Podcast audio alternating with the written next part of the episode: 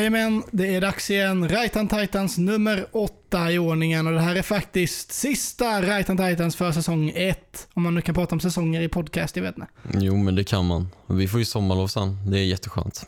Ja, alltså jag känner mig exakt som du låter. helt urlakad. Ja, men jag, jag har sovit tre timmar i natt. Det är, eh, ja, ja, jag kommer vara lite borta idag tror jag. Är det, är det det sommarmodet som har slagit in och bara så här Ja. hållit en vaken? Ja, jag tror det. Alltså, spe- speciellt här uppe. Det blir ju liksom aldrig mörkt riktigt. Nej, Så klockan tre så är det ju typ sol ute. Det är, nej, det är helt skevt. det är skevt. För Ja. alltså, jag, jag har ju saknat det här hela vintern. Mm. Och nu känns det bara... mm, Jag, jag, vill, jag vet inte vad jag ska göra. Nej men det är ju antingen eller hela tiden ju. Antingen så är det jättemörkt eller så är det jätteljust. Nej, men alltså, jag, jag vill inte kunna gå ut och typ slänga soporna klockan tre och sen kunna läsa en tidning utomhus samtidigt. liksom, Nej jag förstår vad du menar. Nej det där är, det är hopplöst. och det främjar ju inte direkt så här dold droghandel på natten. Nej, men du är inte jättesugen på att gå och lägga dig när det är så bra väder ute heller. nej, Det, nej. finns, det tar ju emot lite. Det måste vara jobbigt för alla som sover utomhus också. Ens- Inga persienner att dra ner. Nej, eller hur? Helt, Ljust hela tiden. De har inte ens naturens egna persienner. Det är lite tråkigt. gud. Nej, alltså det... Mm, Och jag, jag tänkte faktiskt presentera dig idag. För jag minns att du sa det förra gången. Jaha. Att jag aldrig gör det. ja, Och då- du är ändå då- liksom kapten i den här eh, skutan, Ah, vad det. vi är co-captains. vet du. Eh, Varsin halva. Så har Styrbord, vi, babord. Ja, och du heter ju faktiskt Daniel Stjärna. Ja, det gör jag faktiskt. Vet du. Och du som kommer med sådana fina, eh, härliga in, introduktioner heter ju som vanligt Alex Hartelius. Mm. Jag- ska inte säga Alexander, jag, jag, jag spammade Alexander förra veckan. Ja, och då, fick du, då blev jag arg. Ja, jag fick massiv kritik efteråt. Det är den enda kritiken vi fått från den här podden någonsin. Och den kom från mig. Ja, gud. Ehm, jag tycker vi ska ehm, kasta oss eh, in i dagens uh, prat helt enkelt. Ja, men jag tycker vi kör igång. Lite mindre uppstyrt idag skulle jag säga, men Men, väl så gott. ja Mm, kreativt ja, men- kommer det bli. Ja men det är som ett eh, bra restaurangkök där som kan svänga ihop en omelett på, eh, med och det blir Mm. godare än allt annat. Vi går utanför menyn. menyn idag. Precis, off the cart. Eh, Du och jag Alex, eh, vi håller just på eh, nu på att bli fullfjädrade inom en yrkeskår som ingen av oss har varit i tidigare. Nej. Vilken pratar om? Vi pratar om restaurang och näring, näringsidkarbranschen som kallas för bartenderi och ser- servering. ja. Precis, vi, vårt, jobb just nu i sommar är ju att höra vad någon sluddrar fram i örat på en och sen blanda det i ett glas och sen sälja det för... Mm. ja men vara fulla människoslav, det skulle man ju typ kunna... Ja, du säger det på ett sätt som gör sanningen mindre jobbig att tänka på. Ja men jag, men jag gillar ändå det. Finns något fint i det? Ja. Men alltså med, med eh, bartenderiet så kommer egentligen fyra huvuduppgifter tänker jag. Det är, ju, Mm. det är ju ett, att se till att eh, barn som två inte är för fulla, tre får den drickan som de beställer till fyra, Mm. rätt pris. Mm. Alltså det, det, är de, det är de fyra stegen vi ska, vi ska klara av. Mm. Eh, känns förhållandevis, förhållandevis enkelt. Man känner sig som en eh, alltså så här, löpande bandpersonal nästan. Mm. Eh, ganska så här, man håller uppkik, kollar lägg på någon som ser ut att ha så här propellerkeps eller åka strehjuling in till baren liksom. Ser man någon kommandes med en heliumballong då, börjar man ta lägg. är det svampbob det, det spelar ingen roll, det kan vara 80-åringar också. Men har de en heliumballong i handen då måste man kolla upp dem Ja, ändå. Har de Shrek i sån, sån folieballong eh, då ska det jävla läggas både människa och ballong. Ja. Eh, nej men eh, det känns förhållandevis enkelt, men Mm. eh, det finns så mycket mer. Alltså man, man har ju ansvar för eh, hela restaurangen och Mm. för liksom eh, trivseln på klubben. Man har eh, ansvar för att eh, kommunens riktlinjer följs till punkt och pricka. Att folk är inne ur restaurangen och inte tar med sig glas på olika ställen. Och, eh, att det inte blir bråk ska man ställa sig emellan som någon sån mänsklig köttsköld. Ja. någon ska smälla en flaska i någon annans huvud. Det är jobbigt om man är konflikträdd. Alltså det går ju inte. Nej. Och eh, det har väl våra chefer också insett för vi är ju på en, eh, på en utbildning nu i ansvarsfull alkoholservering. Mm. Eh, som egentligen går ut på att olika myndigheter kommer fram och berättar olika faror vi ska så här, utstå varje, varje ar- arbetsdag. Så igår fick vi höra kommunen berätta om alla, alla stadgar som kan få oss portade och nedstängda. Ja men man blir ju lätt förskräckt liksom. Ja, precis. Och sen Mm. efter det eh, fick vi hämta oss med lite kaffe och sen så fick vi lyssna på en, eh, eh, en, en väktare som berättade om alla faror vi kan utstå från psykotiska kunder som vill slå ihjäl oss. Mm.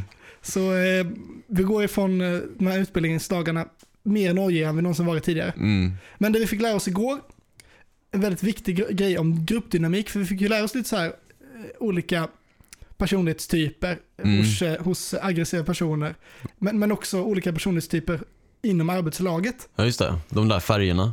Precis, det finns en Mm. fyrfältsteori som jag eh, kollat upp som heter diskanalys, Mhm. där det finns eh, fyra olika så här arketypiska personer Mm. som, eh, som, eh, som liksom en, en arbets, ett arbetslag kan bestå av. Mm. Och då är det, alltså jag kan gå igenom det snabbt, den röda personligheten det är den prestationsinriktade, självmotiverade och oberoende personen som så här, är resultatinriktad, går rakt på sak, ser till att det blir gjort och kan vara lite så här eh, beordrande Mm. under press och som eh, liksom så här effektivisera och så här, inte, inte så mycket hänsyn för eftertanke. Nej. Eh, eh, Mittemot den eh, röda finns en, en personlighet som här, inte alls går ihop med den. Det är den gröna. Eh, som är uthållig, principfast och eftertänksam. En så snäll, eh, omtänksam person, men som inte är sådär eh, så här hård eller tar några skarpa beslut, utan mer så här flyter med strömmen och gör det som måste göras framför Det är ansiktet den personen som den röda kör över. Ja, precis. Det är Mm. den som den röda kör över, som den, och den röda den som den gröna inte så här, blir vän med. För Mm. att det är, liksom, det är Hitler i gruppen. eh, En hier- hierarkisk skillnad också. ja, precis. Ja, Det- man kan inte se en röd umgås med en grön. Det Nej, funkar in, liksom in, inte. inte på ett jämlikt sätt i alla fall. Nej. Eh, Den gula personen är eh, visionären. Mm. Personen som har massor med idéer eh, och är lite grovhuggen, lite, så här, eh, lite slängig kanske. Men vi gör Mm. bara så här, vi, om vi bara så, lyfter upp terrassen 30 meter i luften så ser ju alla den från stan. Det är Mm. svinlätt. Ja, man, man skulle kunna kalla en sån person för pundare också. Ja, du, du är inte gul har jag. Väldigt lite för, uppskattning för det gula. Ja. eh, Mittemot den, eh, den gula är då den blåa. De går inte alls ihop. Nej. Den blåa är analytiken, den här som sitter och planerar allting i minutiös detalj och gör en checklista som så ska bockas av. Ja. Eh, de kan inte riktigt jobba ihop för att de har helt olika strategier och helt olika värderingar. ja. Var- vart är jag på väg med detta? Det, det, det vet jag inte. Det, det, det kommer jag in till nu, för nu har jag, det uppdagats en eh, skandal i nyheterna idag. Mhm. På SVT skriver de att eh, ett stort momsbedrägeri kan ha finansierat terrorism. Ja.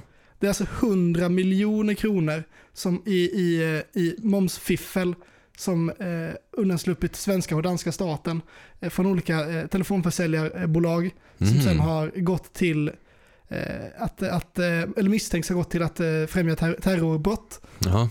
Och det tycker jag eh, låter jävligt dåligt.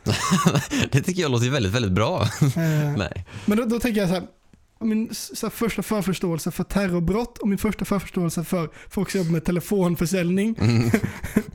är ju dels att den ena, eh, den ena typen, alltså ter terror, eh, terroristen, Mm. eh, är ju lite så här hetsig, lite, lite så impulsiv, har lite mycket så här vanföreställningar och så här, har lite mer, alltså så här, går igång på olika ta- tankar. Ja, jag förstår vad du menar. Telefonförsäljaren är ju mer så här rättfram, gå på, gå påig, så här, eh, har sina egna agendor på något sätt. Men det är ju två typer av terrorism där ju. Det är två typer av terrorism. så, så jag menar, var hamnar de här personerna på den här fär- fyrfältsskalan Mm. som, som både sysslar med telefonförsäljning och terrorism? Eh, Eh, jag, jag, jag ser svaret här direkt. ja. Det finns ju i bokstäverna. För diskanalys står ju för, den, röda är D, den Ja. gula är I, eh, den blåa är C och den gröna är S. Det är ju en kombination av I och S såklart. Nej. Och det finns ju en, en, en, fält för detta, I- IS-fältet här. och det, det är den gulgröna, den är entusiastisk, självsäker, uthållig och eftertänksam. Det är ändå så här, de, de, har, ju- de har ju självsäkerheten att, att, eh, att vara telefonförsäljare, men Mm. eftertänk, eftertanken att göra ett, ett, ett massivt bedrägeri Mm. som kan, eh, som kan liksom så här generera miljontal, hundratals miljoner till eh, ondskefull aktivitet. Mm. Eh, allmänt utåtriktad, omtänksam. Där, där faller det lite utanför ramen. Sällskaplig och lugn. Bara- följ med mig här, jag tror det funkar. Målet är stöd och uppmärksamhet. Uppmärksamhet, Ja, absolut. uppmärksamhet köper jag. Stöd är inom kanske communityt. Ja, Eh, de vill väl vara en del av, av sitt eget lilla kalifat sådär. Ehm, söker uppskattning och tid. Mm. Tid i paradiset kanske, jag vet inte. tid, tid med kunden, jag vet inte. Eh, undviker ensamhet och förändring. Konservativa. Ja, ja. Maybe. Ja. Mm. Eh, framtoning vänlig och stödjande. alltså, det, det, Det beror- på hur man ser kanske, jag vet inte. jag, jag är ingen expert på eh, fältanalys här. Nej. Men jag tänker att om, om, om vi nu utgår från att IS-fältet är där de rör sig, Mm. så kanske lösningen på det här problemet skulle vara att få in lite av de andra personerna i den här gruppen. Så om man bara tar de här, de här liksom, eh, helt galna telefonförsäljarna slash ter terror eh, Mm. och så ger man dem eh, en personalboost med lite fler eh, röda personer som är så här tar snabba beslut och blåa analytiker så kommer det lösa sig jättebra. Ja, jag vet faktiskt inte, kommer det? Det känns som att det kan gå åt helvete. Vad menar du? Det här är genomtänkt. Ja, okej då. Okej, så, så ett tips. Ett tips till polisen och till eh, Säpo och till eh, alla som tycker att det här känns lite tråkigt. Bara hitta eh, så här, lösningsfokuserade telefonförsäljare slash terrorister och analytiker och så bakar ni upp dem där så kommer de bli en positiv inverkan på samhället istället. Ja, välj ut någon färg från regnbågen.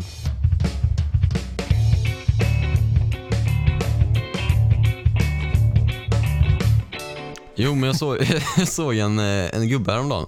Han, Okej. var, han var ganska gammal, Ja, men han var ute och sprang i alla fall.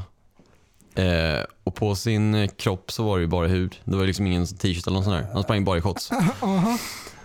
Eh, vilket är väldigt vanligt nu när sommaren börjar komma. Jo, men alltså äldre män, eh, alltså deras, deras procentvisade hud Mm. är ju liksom proportionerlig med procenten moln på himlen lite grann. Ja, men, nej, men så är det ju faktiskt. Men alltså, ju närmare sommaren vi kommer, desto vanligare är det ju att folk visar upp sina typ magrutor och, och hårda muskler med, med tribal tatueringar typ. Ja, Och de, de ser ju väldigt råa ut. Det är ju en råhet som är väldigt främmande på många sätt. mm. Och ondskefulla ut så de, ja usch.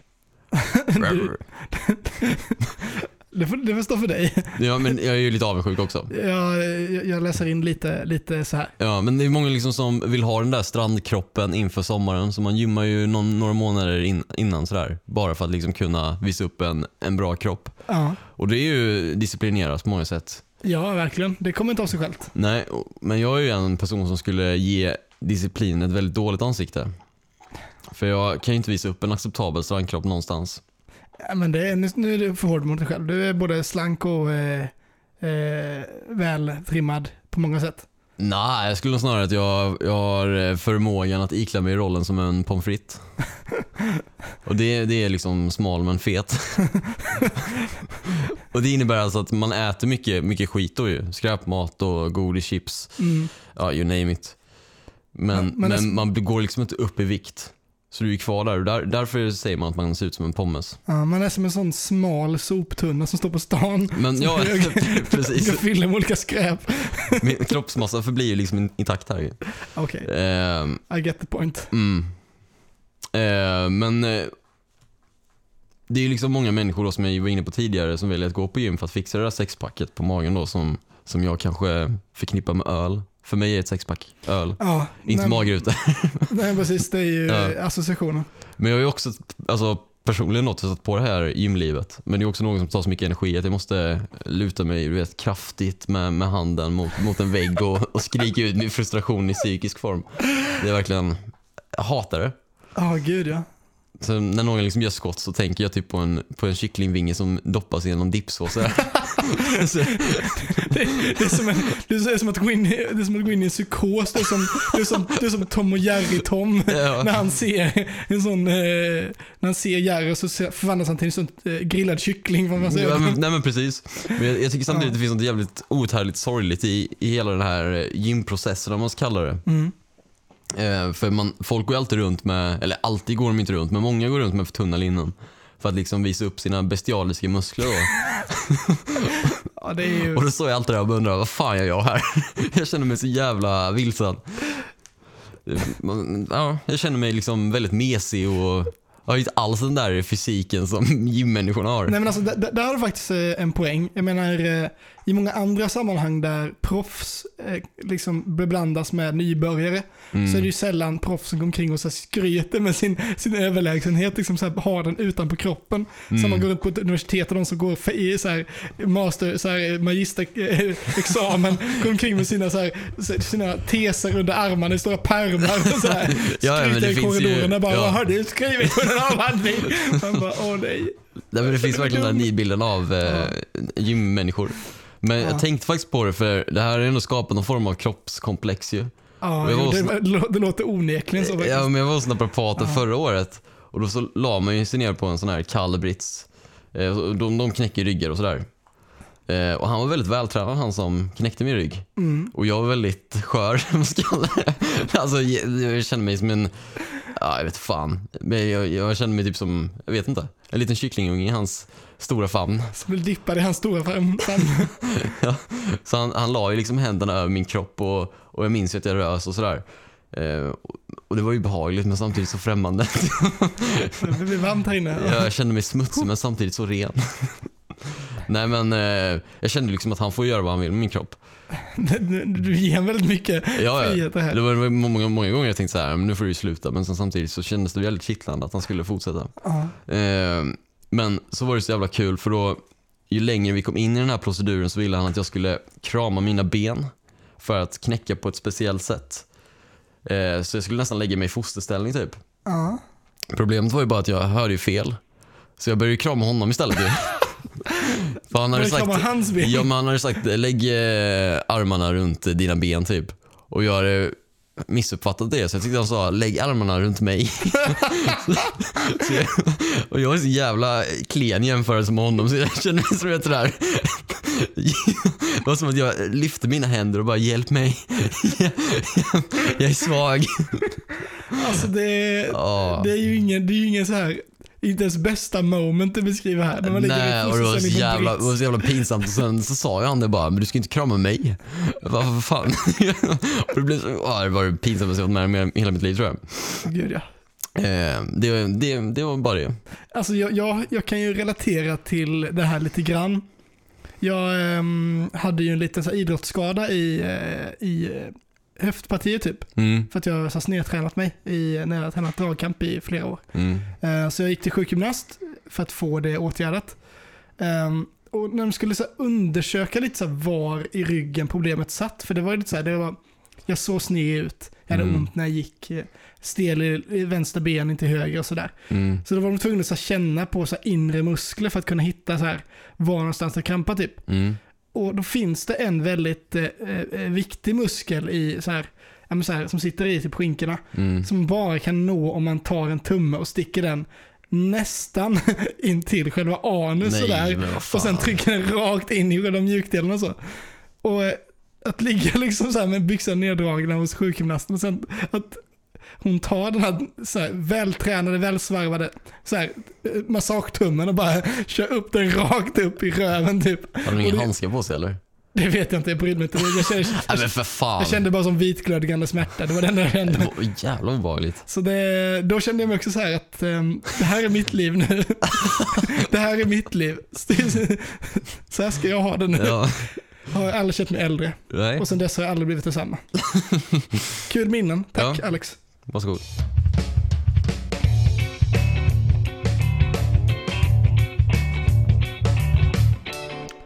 Programmet börjar lida mot, sitt slut, men jag tänkte att jag skulle ta upp en liten eh, grej till innan vi lägger på för, för, eh, inför sommaren. Mm, Eh, jag har kollat mycket på nyheterna nu innan, innan sändning här och dagens stora rubrik är väl en undersökning som Sveriges Radio gjort mhm, i Västernorrland. Där de har ringt runt till alla kommuner eh, och eh, frågat, alltså, så här, de har iklätt sig så här en wallraffroll eh, att, ehm, eh, att, att, att, att de, eh, att de så här ringer i sin mammas ställe typ och säger att eh, vi vill ha hemtjänstpersonal. mm, Men kravet är att vi inte ska ha någon utländsk personal. Vi vill inte ha en enda utländsk vårdgivare överhuvudtaget. Och i, Mhm. i samtliga kommuner har de kunnat lösa det. Mm. Samtliga kommuner så här, främjar diskriminering eh, för att kunna tillgodose liksom så här, eh, lite så här smårasistiska Mm, förstår. så här, pensionärers eh, önskemål att ha en Kalle Karlsson som torkar i röven och inte någon annan. Mm. Det, upp, eh, det eh, bäddar ju upp för massiva reaktioner från alla håll. Det är ju Mm. liksom som att kasta in en, eh, liksom en eh, flytande honung i en bikupa. liksom det, det blir kaos direkt. Ja. Ehm, Sveriges Radio är ändå ett statligt eh, ägt medie, mediebolag som har ganska mycket så här ansvarskänsla och sånt här. Så här. Mm. Eh, Försöker ta båda sidor av debatten och så här, se till att alla blir hörda och sådär. Mm. Um, jag har skrivit en ganska lång artikel här. Sen har de gjort eh, det märkliga beslutet att, att låta kommentarsfältet vara öppet på den här Mm. artikeln. Ehm, det gör, bäddar ju upp för att Jag kan tänka mig att det är ganska heta diskussioner. det är ganska heta diskussioner och det är ganska heta liksom så här, polemisk debatt från båda sidor. Där pro vårdtagarna, Mm. den, den sidan, säger så här, ha, eh, ska man inte kunna få en, en vårdgivare som kan svenska eller? Om man har svårt med språket, bla bla bla. bla. Mm. Invändning förvisso, men de har ju kollat upp det här eh, på eh, Sveriges Radio och kollat huruvida det är språket eller utseendet som är Mm. den stora boven. Mm. Och alla säger bara, det är utseendet.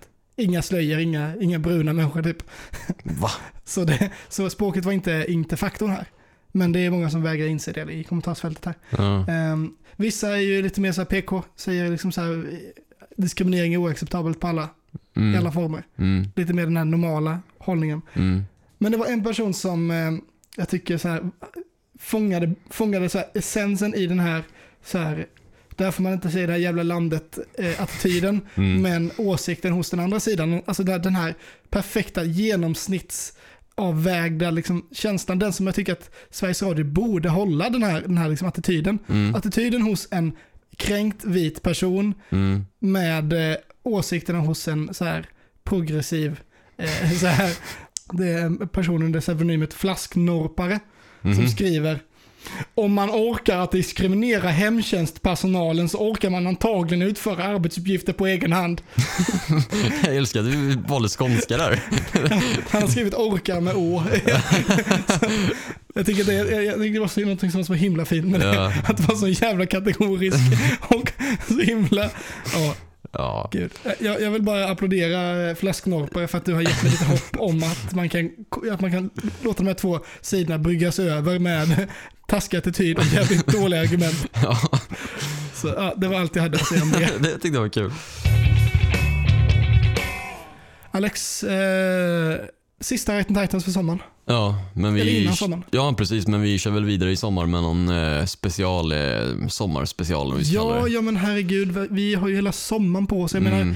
vi kommer ju att eh, jobba i, i, i baren och vi kommer ha massor med nya historier, nya berättelser. Jo, men så är det ju och jag kommer ju få lite Daniel-abstinens. Så jag behöver ju träffa dig i studion. Ja, jag vill träffa dig alltid, Ja, Alex.